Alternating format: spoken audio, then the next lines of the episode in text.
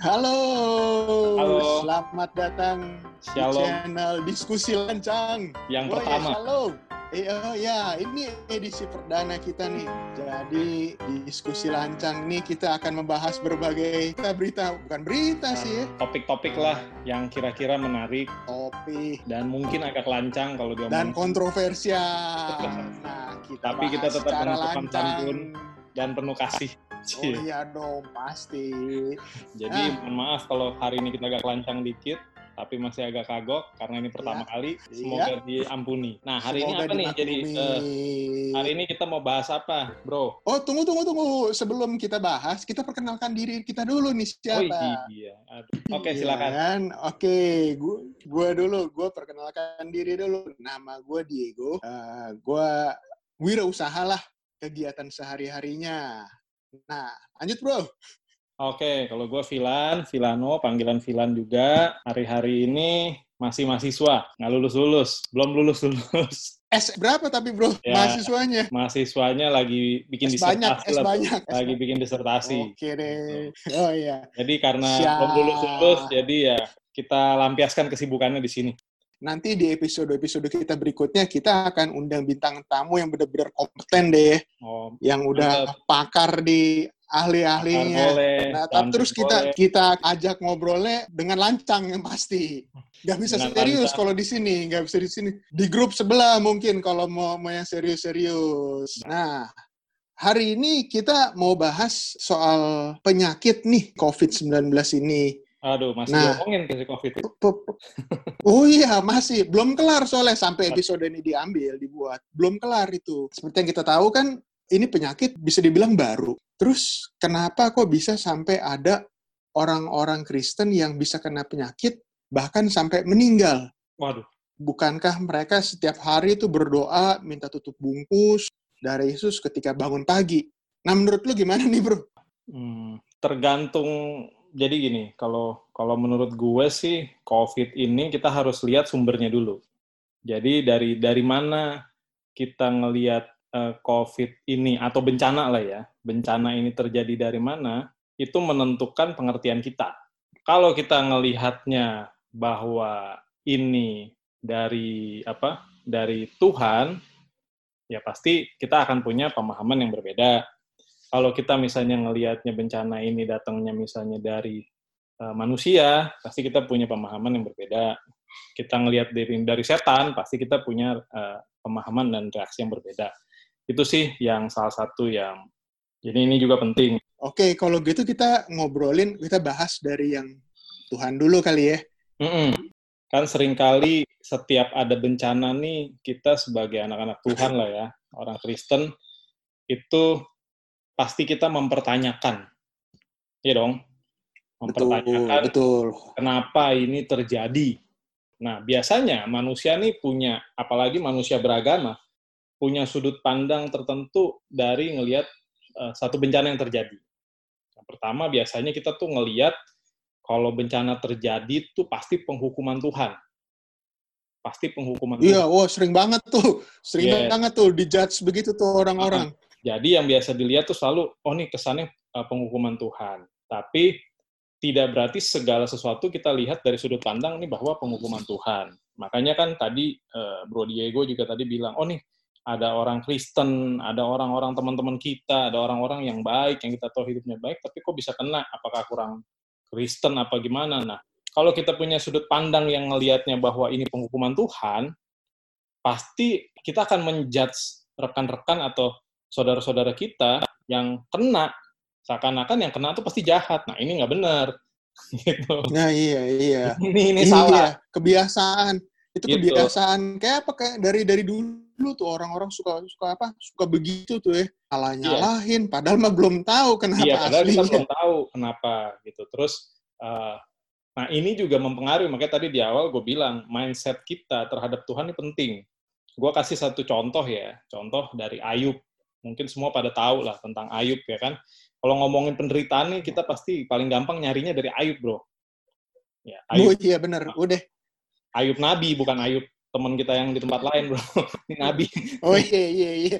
Jadi Ayub ini salah satu kitab yang tertua, tertua di Alkitab. Ini kitab pertama yang mungkin kitab lain belum ditulis, dia udah ditulis duluan. Dan Ayub ini mungkin teman-teman tahu ceritanya bicara mengenai biasanya kita tahu Ayub tuh yang kita kenal penderitaannya. Pasti kita tahu wah, wah iya udah, udah udah susah banget deh. Kalau ngomongin penderitaan bahkan apa yang kita alamin sekarang ini belum sebanding bro sama apa yang dia Oh, belum. jauh jauh jauh. Mungkin kali kita kalau dikasih pencobaan kayak Ayub nyerah kali kita. Asal jangan sampai pindah malah imannya lepas aja. gitu. Iya. Nah, tapi singkat cerita sebenarnya yang yang yang mau gue sampein di sini berkaca dari kisah Ayub. Biasanya kita kalau ngelihat Ayub ini kan, Ayub itu dikatakan ya kalau di pasal 1 bahkan pasal 2 itu tuh orang benar. Tuhan tuh ngomong, Tuhan yang ngomong loh. Ini orang benar, nggak ada yang seperti dia gitu ya. Bener-bener uh, hmm. bisa dibilang dibanggain lah sama Tuhan. Terus habis itu tiba-tiba dia uh, kena kena uh, apa kena diizinkan terjadi musibah lah macam-macam yes nah kemudian karena diizinkan terjadi musibah ini kan habis itu kan Ayubnya sendiri pasti bertanya-tanya dong kenapa gue bisa kena seperti ini? Gitu. Nah, terus mungkin gue baca deh ya ayatnya gue coba lihat.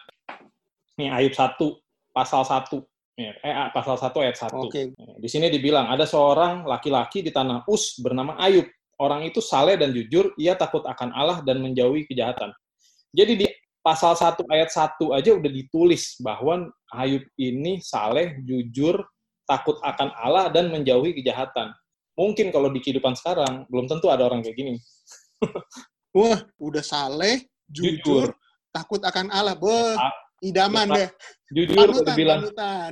ya kan kalau dibilang jujur kita juga kadang-kadang kalau ditelepon eh lu udah di mana nih? Cepetan ditungguin. Oh iya nih gue udah deket padahal masih jauh. Itu udah nggak jujur tuh.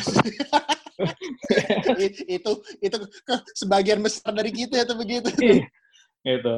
Terus uh, takut akan Allah. Nah dia benar-benar istilahnya benar-benar hidupnya takut akan Allah lah. Dia menaati segala perintah Tuhan gitu. Terus di sini dibilang menjauhi kejahatan. Nah bicara mengenai kekristenan tuh sebenarnya nggak cuma masalah kita hidup baik doang, bro. Itu yang sebenarnya menjadi tema dari cerita ini. Pertama kali teman-temannya itu semua pasti ngejudge. Wah, udah deh, lo nggak ada orang kalau lo nggak benar, pasti nggak menderita. Kalau lo nggak salah, eh kalau lo salah, pasti dikutuk. Udah, itu fix hukumnya tuh seperti itu. Ya nggak? Sa saat ini kan juga kayak gitu kan. Iya itu. Mindset sampai saat ini begitu saat tuh. Ini, berlaku tuh. Ya kan, lo kalau ngeliat orang Kristen, kalau lo sakit dikit, wah ini pasti ada dosa.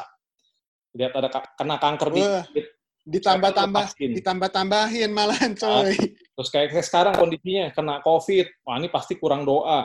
Iya kan? Jadi jadi nah ini nih konsep yang sebenarnya abis itu kalau nanti teman-teman baca sendiri di rumah kisahnya. Emang 42 pasal lumayan panjang tapi ceritanya itu seperti itu. Intinya gini yang mau ditekenin adalah sering kali mindset kita yang keliru tentang Allah itu menyebabkan kita punya pemahaman yang keliru terhadap orang lain bahkan keadaan. Nah ini yang yang jadi temanya gitu. Kita mikir bahwa kalau baik pasti diberkati. Kalau kita jahat pasti dihukum Sedangkan ternyata bicara mengenai kekristenan itu ada unsur kasih karunia, bro. Jadi nggak bisa lo diselamatkan karena lo baik doang. Karena lo bener, pasti pasti otomatis lo punya hak untuk ini. Nah, kita kan biasa nih ngeklaim-ngeklaim, Tuhan Mazmur 91, oh, iya, iya. Tuhan seperti ini, ya kan? Gue pasti kaya, gue pasti sukses, karena gue anak Tuhan. Ketika gue memberi, gue pasti terima ratusan kali ganda, gitu kan. Mindsetnya kita tuh nggak boleh seperti itu. Kalau lo benar pasti berkatin, kalau lo salah pasti di. Nah, itulah yang terjadi pada teman-teman Ayub. Ayub udah sakit, udah udah menderita, anaknya pada mati, udah bangkrut, luka-luka. Temannya datang bilang gini, bro, udah deh ngaku aja. lo pasti salah. gitu. Lo bisa bayangkan sekarang ada teman kita kena COVID, bahkan ada yang meninggal, tiba-tiba kita judge lagi. Itu tuh gara-gara bahasa roh. Wah, itu parah kan. Oh, itu tuh gara-gara kejam kan. Orang udah kena, tiba-tiba digituin. gitu. Sedangkan kan kita nggak tahu. Gitu. Nah, tapi mindset seperti ini nih berkembang di kekristenan, bro. Mindset seperti ini berkembang di di, di antara Betul. kita. Sedangkan yang Tuhan mau kasih tahu adalah gini, loh, lo kan nggak tahu siapa, kenapa Ayub lagi kayak gini. Ternyata kan Allah tuh eh, yang yang berdaulat atas semuanya. Tuhan tahu Tuhan nggak diem, apa? Bukannya Tuhan diem, tapi Tuhan tahu gitu. Gitu. Nah sekarang kan kita kan kalau kayak kita sering kali kita ngeliat oh kalau dia udah Kristen, rajin pelayanan, dia kaya, oh udah bener deh diberkatin. Nah kan belum tentu seperti itu. Kita nggak bisa lihat selalu orang yang susah yang menderita pasti dikutuk Tuhan ya. Nah, nih ada lagi yang kenapa Tuhan izinkan penderitaan kepada orang-orang yang mengasihi Tuhan. Di sini kita bahas orang yang hidupnya sungguh-sungguh ya, bukan yang sekedar hidup beragama Kristen. Jadi gini ya, kalau gue ngelihatnya Tuhan tuh izinin penderitaan, tapi bukan Tuhan yang ngasih penderitaan. Tuhan tahu, Tuhan lihat, Tuhan izinin, itu itu perlu dicatat. Nah, berarti dari mana tuh, bro? Nah, kita ngomongin di dunia lah.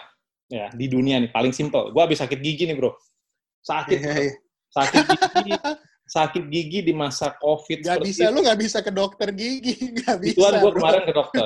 Puji Tuhan gue kemarin ke dokter. Dokter dengan alat lengkap dan gue harus bayar tuh APD. Oh iya, bener.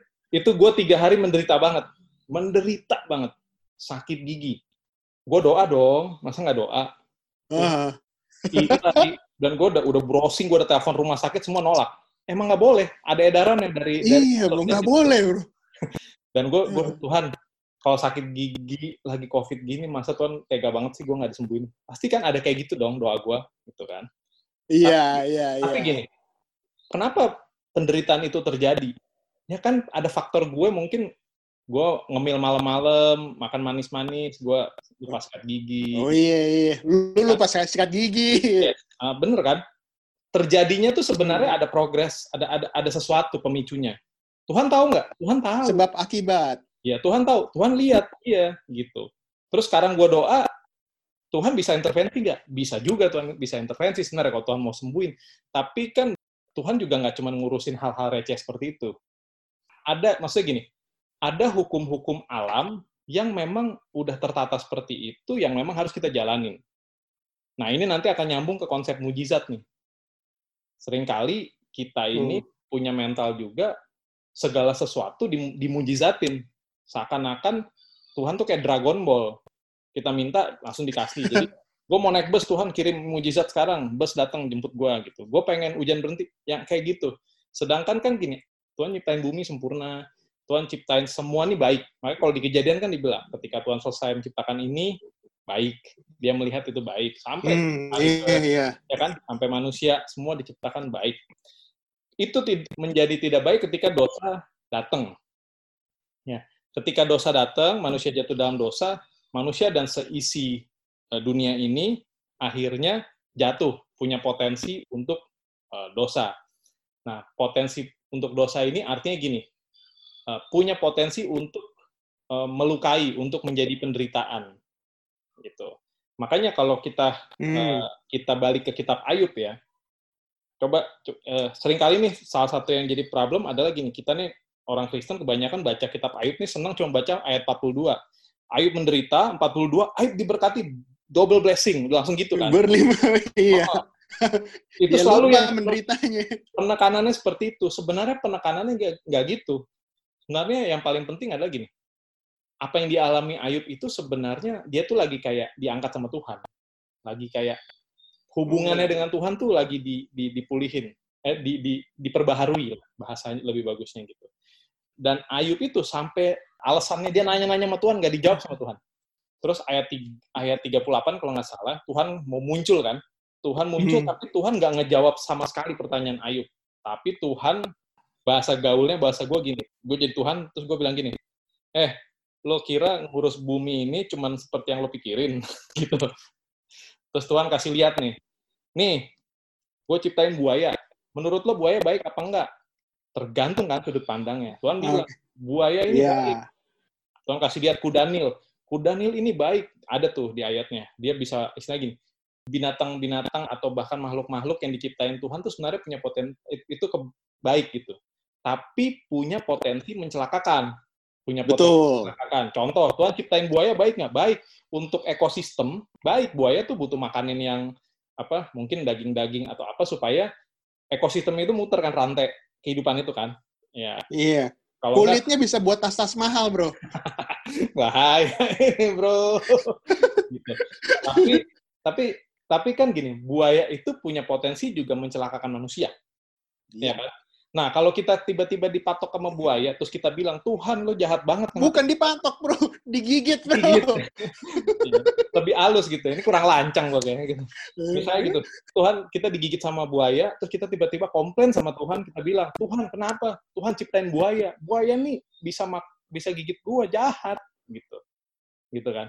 Terus misalnya contoh, hmm. terus hmm. Tuhan datang dalam badai, bro. Tuhan datang dalam badai badai itu kan kalau kita ngeliat efek sampingnya kan bahaya. Ya dong? Iya. Tapi iya. coba lu pada googling, kita lihat semua, badai itu sebenarnya itu sesuatu yang natural dan punya dampak baik.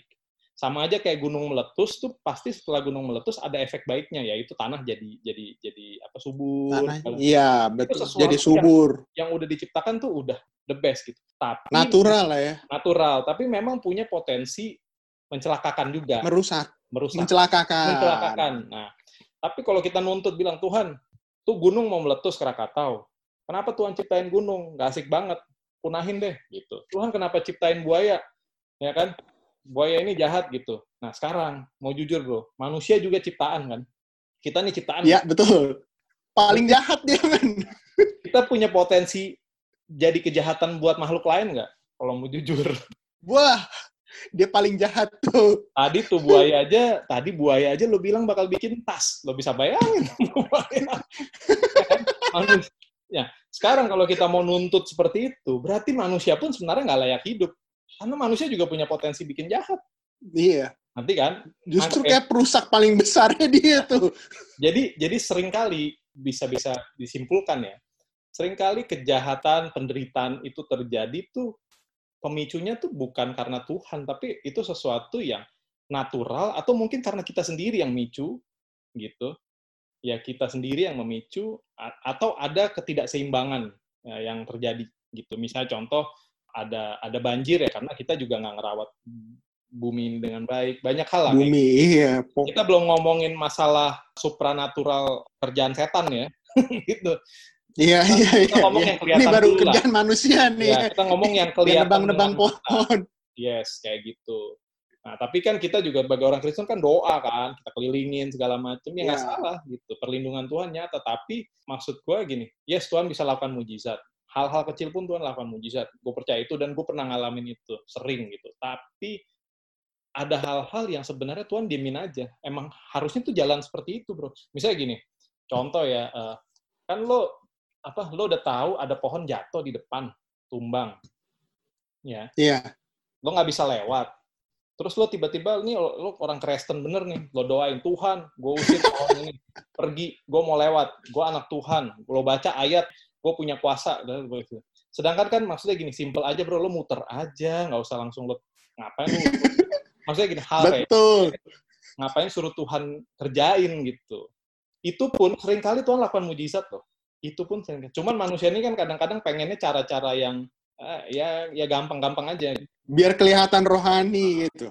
sama aja kayak kita ngomong kondisi sekarang covid ya kan? Ya ya oke okay, kita bilang oh Tuhan lindungi. Ya benar tapi ya udah tahu jangan keluar-keluar pakai masker cuci tangan itu kan sebenarnya hal yang ya masa suruh cuci tangan aja harus minta mujizat Tuhan gitu kan tergiran sakit ya, ada kayak gitu kan jadi nyala-nyalain Tuhan ya penderitaan itu terjadi. Nah, nanti akan timbul ke satu pertanyaan nih. Pertanyaan, kok Tuhan izinin sih? Jadi ada namanya uh, keadilan Allah. Kalau di, di, di keadilan di, Allah nih ya. Di kekristenan tuh ada namanya konsep teodisi. Teodise. Teodisi. ya, teodise, teodise ya. itu adalah gini. Uh, itu adalah upaya mempertahankan keadilan Allah. Jadi biasanya para ateis nih orang ateis kan pinter-pinter. Hmm. Dia biasa nyerang ke Kristenan tuh dengan cara seperti itu. Kenapa? Katanya lo Tuhan lo jago. Kok lo ada tuh sakit tuh kemarin ada yang mati itu gitu. Udah melayani, udah baca Mazmur 91, lo pakai minyak, lo pakai apa? Ya kan kita sering banget geledekin seperti itu kan. Oh iya iya iya. Ya kan? Nah, sering kali ini pertanyaan-pertanyaan mengenai keadilan Allah. Jadi gini, ada di, di, dikatakan seperti ini biasa atau Allah mau meniadakan kejahatan. Allah mau meniadakan kejahatan, meniadakan kejahatan, tapi nggak bisa. Bisa nggak Allah meniadakan kejahatan? Bisa. Misalnya kan gitu. Tapi ini diserang. Allah hmm. mau meniadakan kejahatan, tapi nggak bisa tuh. Buktinya masih ada kejahatan, ya kan? Terus dibilang gini, Allah mungkin bisa, tapi ia nggak mau. Tuh, kalau nggak mau, kok tega sih Tuhan? Allah bisa, tapi Allah nggak mau, gitu. Terus atau emang Allah nggak mau, ya kalau Allah nggak mau kok lebih jahat lagi dong gitu kan itu diserang tuh dengan iya. atau mungkin Allah emang nggak bisa meniadakan kejahatan emang Allah tuh emang nggak mampu gitu terus atau bisa lagi ditambahin lagi atau mungkin Allah mau nih supaya kita nggak menderita supaya nggak ada kejahatan terjadi di muka bumi ini tapi Allah nggak bisa melakukannya nah, kalau Allah nggak bisa berarti Allah lemah dong mau diputer lagi diserang lagi kan yeah. nah kalau lemah ya bukan Tuhan dong gitu ini bayangin aja ya atau gini, hmm. tapi, tapi Allah bisa, cuman Allah nggak mau. Kalau Allah nggak mau berarti Allah jahat gitu. Ini pun nggak seperti dengan hmm. Tuhan. Atau Tuhan mau, tapi Tuhan nggak bisa, berarti juga Tuhan udah udah udah nggak baik, Tuhan juga lemah, berarti bukan Tuhan dong gitu kan. Nah, bila ia hmm. mau dan dapat atau memang begitulah seharusnya Allah, maka dari manakah kejahatan? Mengapa ia tidak meniadakan atau menghapuskannya? Nah, ini kan pertanyaan-pertanyaan yang muncul kan? Pertanyaan yang muncul. Iya. Ya kan? Kenapa kenapa ada gitu? Kenapa ada kejahatan? Ya kejahatan itu ya pasti kejahatan penderitaan itu ya sebenarnya ya sering kali munculnya dari kita-kita juga, Bro. Oke. Nah, lanjut, Bro. Ini ada satu hal menarik nih yang timbul di pikiran gue. Yes. Yaitu kenapa orang baik orang benar, eh malah sakit ini itu. Sedangkan ada orang jahat, tapi hidupnya baik-baik aja, fine-fine aja gitu hidupnya. Itu kenapa ya? Bisa sampai ada kejadian kayak begitu tuh. Iya, ya gitulah hidup ya. gitu. Tapi gue, gue, gue cuma mau lihat gini, nah ini ini paling penting ya.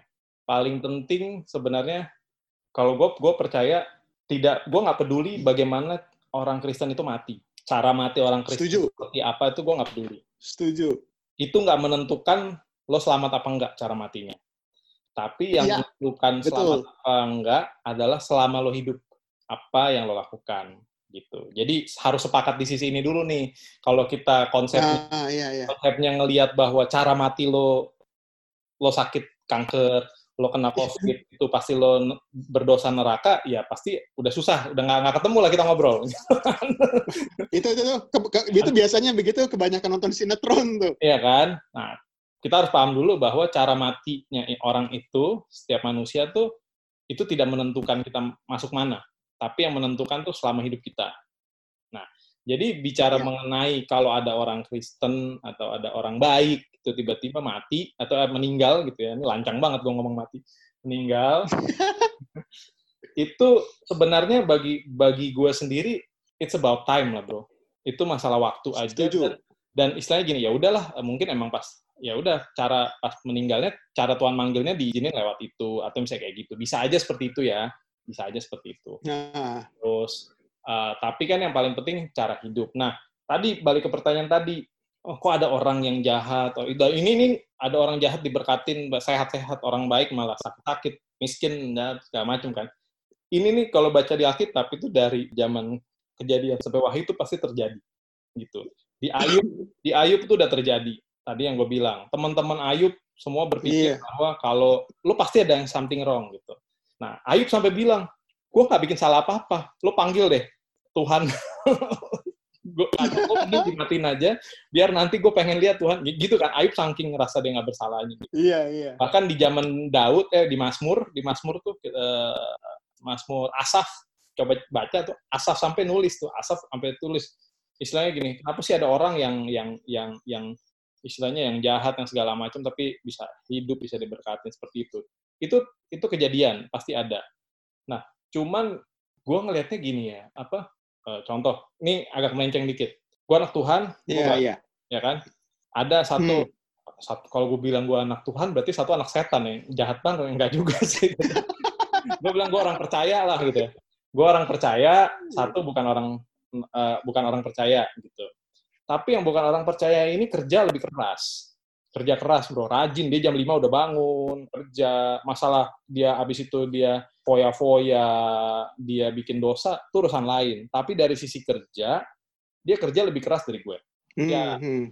fair dong hasilnya kalau dia lebih banyak, ya kan? Fair. Fair. Sama yeah, aja yeah. kayak gini. Ini kan Alkitab sendiri bilang, hujan turun atas orang benar, bahkan juga orang nggak benar. Itu fair. Emang udah natur hmm. itu lo kena panas, hari ini lo gereja, lo tetap kena matahari, tetap kena hujan. Besok lo nggak gereja, tetap aja. Ada orang yang bahkan abis ini ngata-ngatain Tuhan, tetap aja dia terima hujan itu kan. gitu. Jadi itu sesuatu yang yang emang udah natural gitu. Sama kayak gravitasi, bro. Misalnya emang dengan kita Kristen, otomatis kita bisa merubah gravitasi. Enggak kan? Gitu. Iya, enggak. Jadi kita harus pisahin nih antara antara dibuang dulu nih masalah orang benar nggak benarnya sama berkatnya dibuang dulu gitu jadi masalah jadi berkat, ini nggak ada nggak ada nggak ada hubungannya ini ya sebetulnya ya, ya. gini gue percaya sebenarnya gini setiap uh, orang-orang yang hidupnya seperti Ayub ya, saleh, takut akan Tuhan, hmm. itu pasti diberkati. Gue percaya banget, itu diberkati. Tapi tolak ukur satu berkat ini yang jadi masalah. Nah, ini tolak kali ya. Satu berkat tolak ini ukur jadi, kita. Iya, gitu kan berkat uh, tolak ukurnya ya kalau kita nuntutnya gue harus punya rumah di uh, apa di Menteng, di Pondok Indah, gue harus pakai Lamborghini ya, lo ngerampok Tuhan kan, jadinya ujung-ujungnya. iya nggak? Gitu kan. Allah, iya, iya, kau iya. yang punya langit dan bumi, ya kan? Itu di Wahyu aja, Yerusalem baru aja, lantainya aja emas, masa Tuhan nggak bisa potek dikit buat gue? Ya kalau kita mau kayak gitu ya rampok bro. Jadi ya berkat ya berkat ya mungkin dia kerja lebih rajin, mungkin dia seperti ini gitu. Ada faktor-faktor lain yang membentuk sampai orang itu diberkati, sampai orang itu mungkin dia jadi lebih sehat, ya kan? Kadang-kadang kan kita juga hmm. karena karena kita istilahnya hidup dalam menikmati berkat Tuhan, wah kita makan juga lupa, Bro.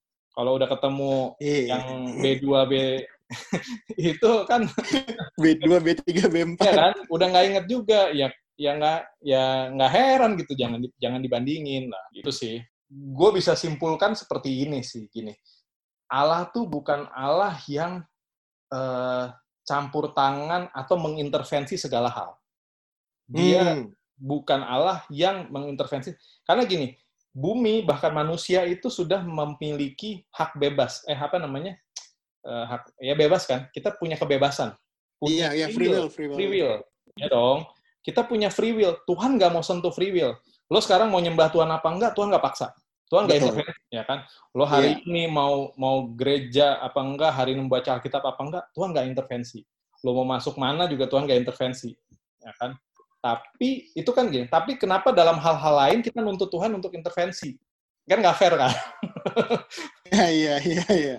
Dalam hal lain kita nuntut Tuhan intervensi dong, gini-gini. Nah sebenarnya nggak Tuhan tuh bukan Allah yang tipikal intervensi ngurusin oh ada tumbuhan eh, tiba-tiba penyok Tuhan ratain gitu dengan kuasa supranaturalnya oh si Diego lagi jalan-jalan nih ya uh, tiba-tiba bannya kempes waduh ntar kalau kempes terus bisa bisa bisa nabrak mobilnya habis itu malaikat dikirim untuk niup bannya biar jadi nggak kempes maksud gue tuh Tuhan tuh nggak yang selalu mengintervensi seperti itu ada hal-hal yang memang udah terjadi terjadi hmm. tapi tuh ada dalam kemahakuasaannya Tuhan dan Tuhan tahu. Makanya salah satu konsep kekristenan yang paling benar adalah gini, ketika kita ngelihat penderitaan, bukan berarti Allah ngasih penderitaan, atau Allah ngizinin penderitaan, atau Allah seneng ngelihat kita menang. Tapi kekristenan adalah Allah yang turut menderita bersama-sama dengan kita. Dan dia hmm. menanggung bersama-sama dengan kita. Dialah Yesus udah jadi Tuhan, enak-enak datang ke bumi, cuman karena mengasihi kita, yeah. menderita bro, gini bro, kurang baik apa gitu kan. Itulah Allah kita. Itulah yang membedakan kita dengan yang lain. Gitu. Mungkin penderitaan ini COVID terjadi, ada anak-anak Tuhan, anak-anak orang percaya yang kena, ada yang terinfeksi, bahkan ada yang meninggal, ada yang bangkrut, ada yang rugi, segala macam. Hmm. Tuhan tahu, Tuhan ikut merasakan penderitaan kita. Dan Tuhan berjalan bersama-sama dengan kita untuk bisa kita melewati itu. Itu yang paling penting. Yang paling penting adalah kita oh, tahu. Itu yang paling penting. Yang paling penting adalah kita bersama-sama dengan siapa gitu. Itu sih. Oh iya iya iya. Gitu. Nah, lanjut lanjut. Ini, oh ini, ini, ini, ini gue gue punya pertanyaan nih, yang sebetulnya bencana itu datangnya dari mana sih? Baik bencana. gunung meletus, sakit penyakit, ya pokoknya bencana lah. Ya pasti gue nggak bisa jawab semua karena gue bukan Tuhan. gitu. Tapi bencana, jadi bencananya seperti apa? Ada bencana yang yang sifatnya maksudnya gini, yang tadi gue bilang sifatnya natural, sifat natural hmm. ya, uh, sesuatu yang sifatnya natural terjadi, kita bisa anggap bencana. Contoh ya, misalnya gini, buaya jalan-jalan, ya buaya kan emang gitu, kalau ngeliat daging dimakan bro. Iya. Ya kan? Emang buaya naturnya seperti itu. Terus tiba-tiba lo ajak bercanda, kayak lo ketemu golden retriever, terus tiba-tiba tangan lo dicaplok, itu kan jadi penderitaan buat kita kan. Aduh, gue dicaplok. Nah, iya. itu natural. Salah siapa? Gitu. Itu salah siapa? gitu iya. kan? Udah tahu gitu. Ya kan? Jadi ada sesuatu yang sifatnya udah natural. Misalnya apa? Ya yang yang kita ngomong kalau yang alam natural ya. Jadi uh, iya, iya. itu satu. Ada juga yang yang emang dibentuk karena kesalahan kita. Misalnya lo tebang-tebangin pohon sampai botak, akhirnya jadi jadi bencana alam. Kan? Terus ada juga misalnya ya. ngomongin ngomongin virus, emang direkayasa nih dibikin jadi virus ini buat nah, nah itu kan sesuatu yang dibuat gitu. Dan itu bukan iya, ya, iya. emang emang emang Tuhan yang salah gitu. Ya enggak lah. oh gitu. Oke oke. Lanjut. So, kenapa Tuhan seolah-olah diam saja atau tidak bertindak sesuatu untuk meluputkan umatnya yang sungguh-sungguh berkenan sama Tuhan. Jadi maksud gue gini, kadang-kadang kalau misalnya orang yang hidupnya sembarangan, ya udah deh ya, misalnya kena kena masalah ya udah gitu bisa jadi karena perbuatan dia nah tapi ini ada orang yang hidupnya udah sungguh-sungguh hidupnya bener lah nggak aneh-aneh tapi tapi Tuhan nggak luputin gitu meluputkan itu memang ada hak prerogatif Tuhan ya jadi kayak tadi itu ada unsur yeah. mujizat ya. Meluputkan itu ada unsur iya. mujizat. Yeah. Sama ada unsur tanggung jawab kita. Hmm. Ya kan? Uh, contoh, gue gua kasih contoh gue lah uh, di dalam COVID ini misalnya ya. Gue nih sebenarnya nah. agak menyesal karena beberapa Kenapa tuh bro? karena beberapa tahun lalu gue tuh sebenarnya gue tuh di dalam hati ya. Ini gue secara sebagai orang pantai kostal karismatik yang ini ngerasa dapat tuntunan Tuhan, gue ngerasa nih maksudnya gini, kayaknya gue harus prepare buat ekonomi gue. Gue harus lebih ngatur, ya kan? Nabung, uh, mulai berinvestasi, mulai jaga, kayak gitu-gitu. Supaya hmm. kalau ada apa-apa setidaknya gue nggak terlalu sekarat lah, gitu. Saya kayak gitu. Terus tiba-tiba hmm. jadi kejadian ini yang which is gue nggak punya prepare banyak gitu. Nggak punya preparation uh, banyak yang gue agak menyesal itu itu itu salah satunya jadi sebenarnya kan ada hal-hal yang yang sebenarnya bisa tanggung jawab gue nih untuk gue punya hmm. opsi supaya bisa lebih benar misalnya gini kayak kayak kita di masa karantina ini lo kan punya opsi untuk tetap keluar ke kerumunan orang atau enggak ya hmm, iya betul nah, betul tiba-tiba lo keluar ke kerumunan orang, lo bacain tuh Mazmur 91 sampai sepanjang perjalanan, nggak otomatis lo dilindungi, bro. Nanti kita ya, bahas nih ya soal Mazmur 91 ya. Iya kan? Ngerti kan? Tapi ya, ya. memang gue percaya ada unsur uh, perlindungan Tuhan memang gitu. Tapi ya perlindungan Tuhan itu gini, Allah tuh kita juga punya tanggung jawab, kita punya tanggung jawab dan kita harus bertanggung jawab atas itu. Gitu sih. Jadi kenapa Tuhan nggak luputin orang-orang yang hidupnya udah sungguh-sungguh nah, sama Tuhan? Jadi bukan jadi gini, ma masalahnya bukan bukan bukan masalah Tuhan mau luputin apa enggak. Kalau lo nggak bertanggung jawab juga, ya susah. Uh, dan ketika kalau kita hanya bertanggung jawab, ya kayak tadi gue bilang, sebenarnya kalau lo tahu ada bencana, lo bisa menghindar, kenapa nggak lo menghindar kan? Yesus saja gini, lo baca di Alkitab, uh, waktu Yesus kecil, malaikat ngomong sama orang tuanya sama Yusuf suruh pergi menyingkir ke Mesir supaya nggak dibantai sama hmm. Herod. Nyingkir. Ada ada ada ada kejadian-kejadian seperti itu. Musa ya kan waktu dikejar-kejar sama Firaun sempat ngumpet 40 tahun. Daud dikejar sama Saul. Iya. Daud ya. Daud ini kan udah dibilang, lo bakal jadi raja, udah diurapin. Lo bisa bayangin kalau gue jadi Daud sih gue tantangin Saul. Eh, gue udah diurapin nih. Eh, fight sama gue gitu. Tapi Daud kabur. Lumayan lama lo bertahun-tahun dia kabur. Gitu kan. Kenapa? Karena ya memang dan dan menderita loh sepanjang dia kabur, Bro. menderita. Oh iya, iya, iya. Ya kan? Dia mungkin ada maskur-maskur yang dari dari masa penderitaannya itu keluar bahkan ketika kejadian di Ziklag kan tiba-tiba kerajaannya apa anak istrinya pada di pada diculik ditawan terus tiba-tiba pengikutnya pengikut Daud malah malah nyerang dia bilang lu sih gitu ya. Sampai Daud udah frustasi banget ya kan? Akhirnya dia dia dia keluar tuh ayat gitu kan makanya aku menguatkan diriku kepada Tuhan. Itu kan kurang menderita apa dia? Tuhan izinin. Iya Tuhan izinin. Tuhan izinin. Tapi Tuhan ngelindungin nggak? Sebenarnya gini, luput atau perlindungan Tuhan tuh versi luput sama perlindungan Tuhan versi kita sama versi Tuhan tuh beda. Belum tentu sama. Iya, betul, betul. Versi, versi luputnya kita ini, kita kebanyakan nonton film Avenger, bro. Luputnya kita nih, iya. tapi kan versinya Tuhan tuh luput, mungkin sering kali lo harus masuk dalam api seperti Sadrak Mesak Abednego gitu. Ya, kalau kita ngomong nggak luput, Stefanus, bro, dirajam. Terus Oh iya bro, aduh. Terus tiba-tiba lo nyalahin Mazmur 91 gitu? Enggak dong. Tapi gue percaya Stefanus ketika mengalami apa namanya itu dianiaya itu ya, uh, martir ya. Tuhan kasih kekuatan dia supaya dia bisa melewati itu. Nah, itulah mungkin salah satunya yang gue bilang uh, versinya Tuhan, bukan versinya kita. Tapi kan versinya kita kan luput kan, ya lo hidup yang penting lo gereja, melayani, terus hidup lo, lo punya banyak duit, lo ke mana-mana nggak kena sakit, sehat, umur panjang, itu kan itu itu yang jadi jadi konsep konsep fokus ke tolak ukur nah, sekarang kayaknya begitu tuh ya. Itu yang yang yang menurut gue itu yang kita perlu rubah juga gitu, karena itu setuju berpengaruh berpengaruh sama iman kita. Jadinya kita punya iman tuh yang menuntut Tuhan.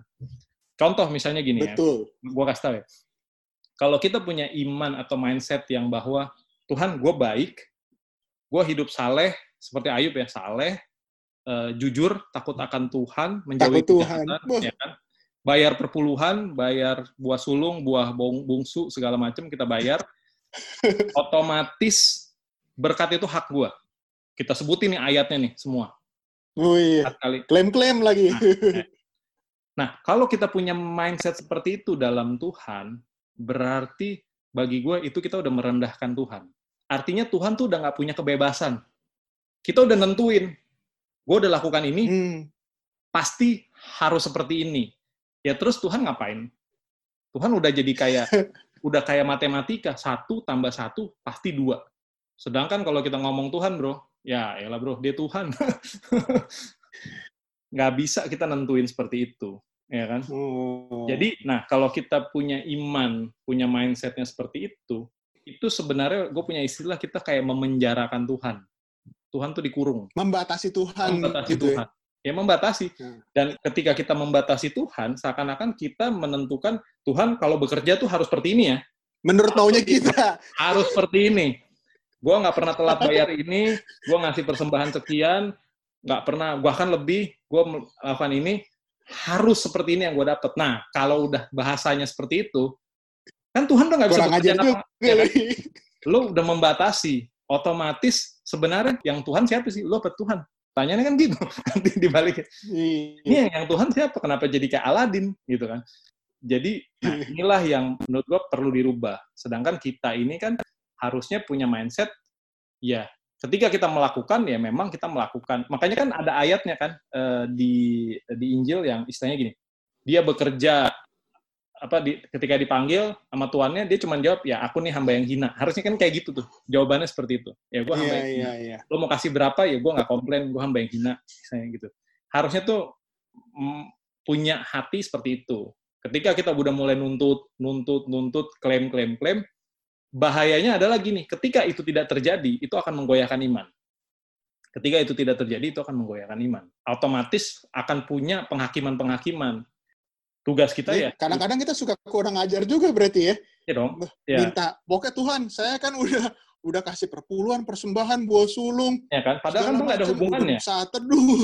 Ya kan? Iya. Ya kan kalau lo mengasih, kalau lo memberi, lo mengasih ngasih persembahan, lo, lo melayani itu kan karena mengasihi Tuhan, bro. Jangan karena betul. Jangan karena gue udah ini ini ya berarti kan itu sih sama aja kayak lo ke Las Vegas bro lo taruh duit atau lo nanam apalah gitu ya Maya. Ya otomatis kan investasi lo jadi investasi.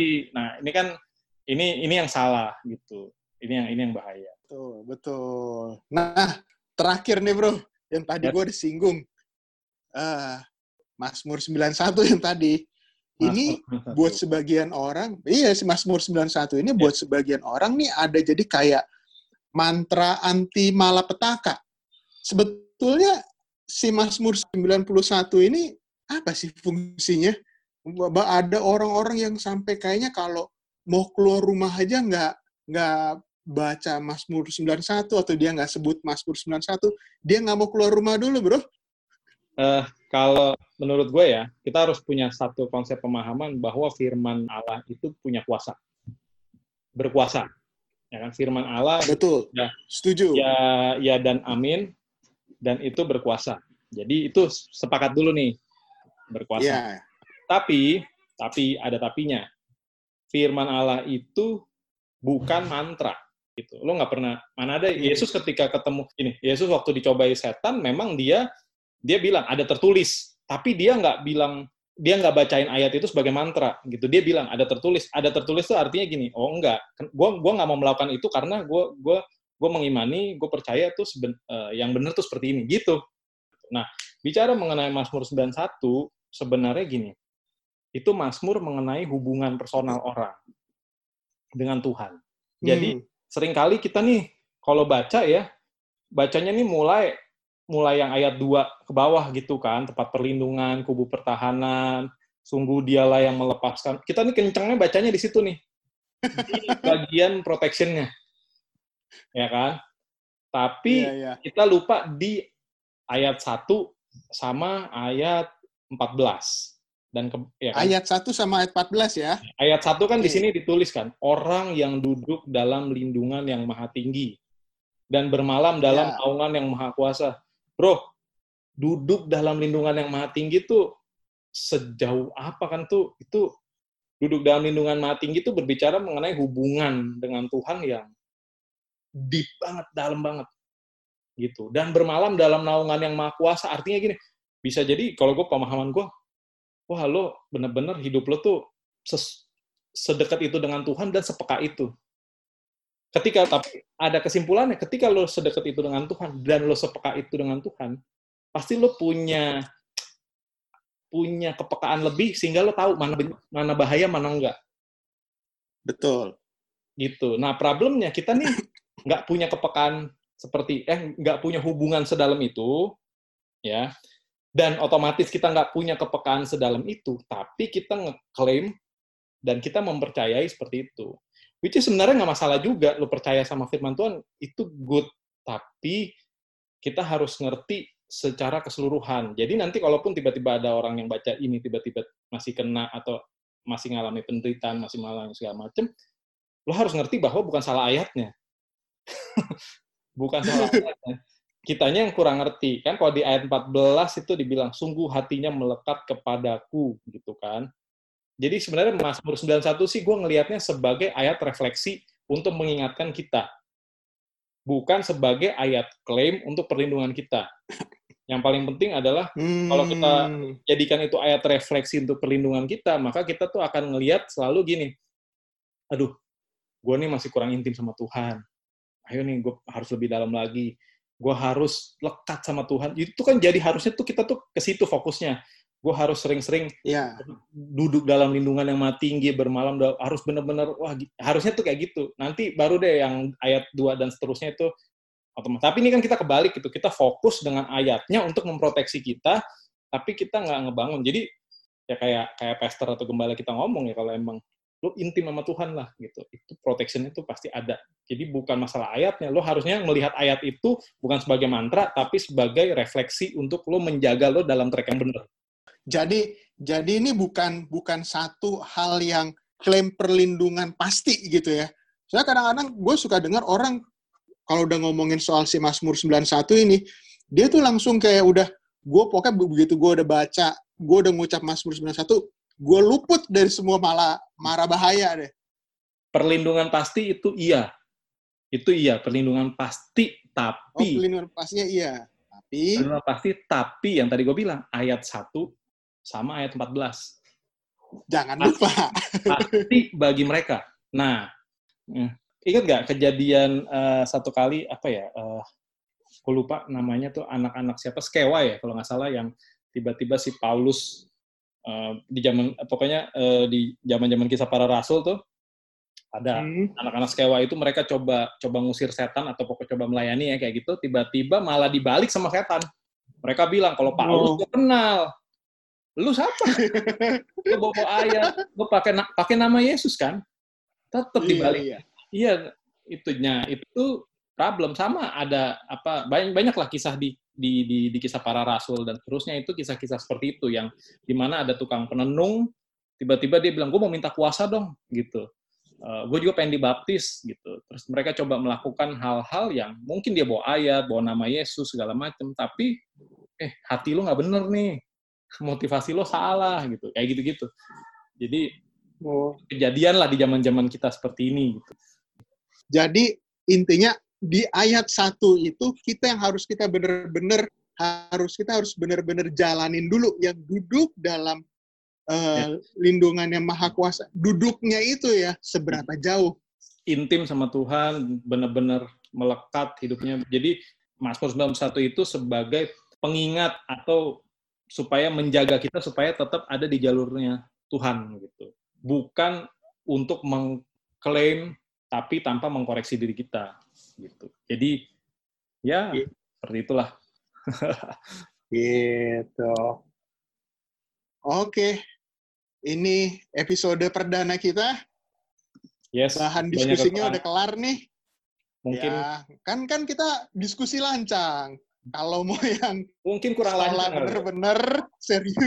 Ya, iya belum lah. Nggak enak, sungkan juga kita kalau begini-begini terlalu dilancangin. Ya, ntar nggak ada yang dengar lagi kan. Eh, mungkin bisa kita simpulkan dari pembicaraan kita hari ini, kita juga harus bisa memandang bahwa kita ini manusia bukan sebagai objek utama dalam kehidupan. Seringkali kita merasa, oh segala sesuatu, kita nih kayak, segala sesuatu yang diciptain di dunia ini selalu seakan-akan tuh buat kita. Termasuk Tuhan itu bag- bagian kita, pasti mensupport kita. Nah sebenarnya salah. Kita harus menempatkan diri sebagai ciptaan juga, gitu. Bahwa Tuhan nyiptain kita, ada ciptaan Tuhan yang lain di dunia ini sesama manusia, ada hewan, binatang, tumbuhan, apa segala macam, kita harus jadi pengelola yang baik, gitu kan. Dan bukan berarti Tuhan tuh Tuhan tuh bukan Allah yang terlalu sewenang-wenang mengintervensi segala hal. Kemudian pemahaman-pemahaman atau iman yang bersifat retributif ya. Retributif itu artinya kalau benar pasti diberkatin, kalau salah pasti dikutuk. Nah, ini sebenarnya pema- pemahaman yang salah yang secara tidak langsung kita memandang dunia atau Tuhan tuh seakan-akan seperti mesin, seperti statis yang tadi punya istilah membatasi Tuhan. Sedangkan hidup kita ini ada unsur kasih karunia. Dari pembicaraan ini mungkin kita bisa simpulkan bahwa berkat itu bukan berarti orang yang menerimanya karena dia lebih baik dan begitu juga dengan penderitaan bukan berarti karena yang menerima penderitaan itu berarti otomatis orangnya lebih jahat. Bukan seperti itu.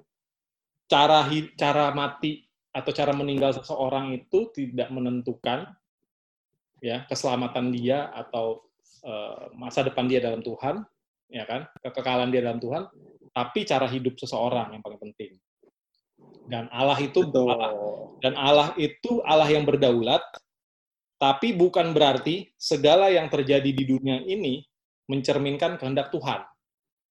Jadi kalau misalnya, oh COVID ini kehendak Tuhan enggak? Enggak. Gue bisa bilang enggak. Tuhan enggak berkehendak dengan COVID ini. Tapi kenapa COVID ini terjadi? Ya banyak faktor. Bisa jadi emang ada yang bikin, bisa jadi karena kesalahan manusia, bisa Ya. jadi kayak gitu kan. Tapi yang harus kita percaya bahwa Allah itu beserta dengan kita dalam masa-masa sulit bahkan dalam penderitaan kita. Jadi sebenarnya Allah tuh nggak pernah diam.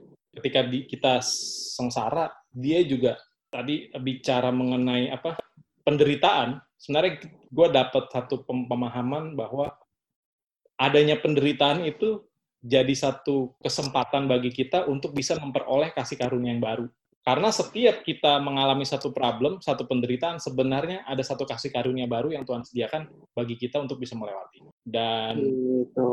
segala penderitaan atau segala problem ya yang kita hadapi itu sebenarnya memurnikan kita sih kalau belajar dari Ayub ya. Jadi jadi istilahnya di Nah, memurnikan kita apakah Allah yang terutama dalam hidup kita atau berkat-berkatnya. Nah, itu paling penting. nah iya. Itu. Itu penting. Jadi, apakah kita bisa ya kalau kita cuma ngincer berkatnya ya otomatis giram berkat itu hilang. Masihkah kita menyembah Tuhan? Iya. gitu. Ya bisa disimpulkan Mazmur 91 itu sebenarnya ayat untuk merefleksi diri kita. Jadi ya bukan ayat mantra lah. Bisa disimpulkan gitu. Terus gue jadi ingat satu hal nih sebenarnya jadi nambah. Apa tuh? Betul. Lanjut. Tadi gara-gara ngomong Ayub, lo bisa bayang nggak? Ayub itu anaknya mati kan? Ya. Nah, ketika ayat 40 eh, pasal 42 Tuhan berikan anak-anak baru. Ya nggak? Iya. Menurut lo perasaan Ayub otomatis terobati gitu dengan anak-anak yang baru? Enggak. Nah, segampang itu. Enggak. Enggak, bro. Mau dikasih anaknya lebih banyak, lebih cakep? Enggak. Iya. Nggak segampang itu. Tetap enggak, bro. Jadi, tapi nggak ada ceritanya kan bahwa Ayub, intinya gini, pemulihan itu, pemulihan sebenarnya tuh bukan di berkatnya, tapi di hubungannya Ayub dengan Tuhan. Ya sama kayak kita, pemulihan sebenarnya tuh di hubungan kita dengan Tuhan, bukan di berkatnya. Jadi kadang-kadang kita suka baca ayatnya tuh selalu di yang, oh dia diberkati, gitu, padahal enggak. Tetep lah ya, anaknya mati. Iya. Tinggal dia doang dan dianya pun sakit loh, Ayub tuh. Gitulah, ada mungkin ada tambahan Oh, dari lo untuk kesimpulan. Oke, cukup menarik pembahasan hari ini di episode pertama kita dan eh, jangan lupa subscribe. Kita belum bisa live, Biar, belum bisa live kali ini. oh ya kita belum kita belum live. Nanti lah nanti nanti udah kapan-kapan. kalau udah banyak baru gitu. Jadi biar Iya. kalau live tuh kan enak, orang bisa nanya langsung. Oke, Oke, sekian. Sampai ketemu di episode-episode selanjutnya. Jangan lupa pasang eh, tombol lonceng, subscribe, like, follow, dan terus dukung channel ini. Oke, bye. sampai ketemu. Bye-bye. God bless.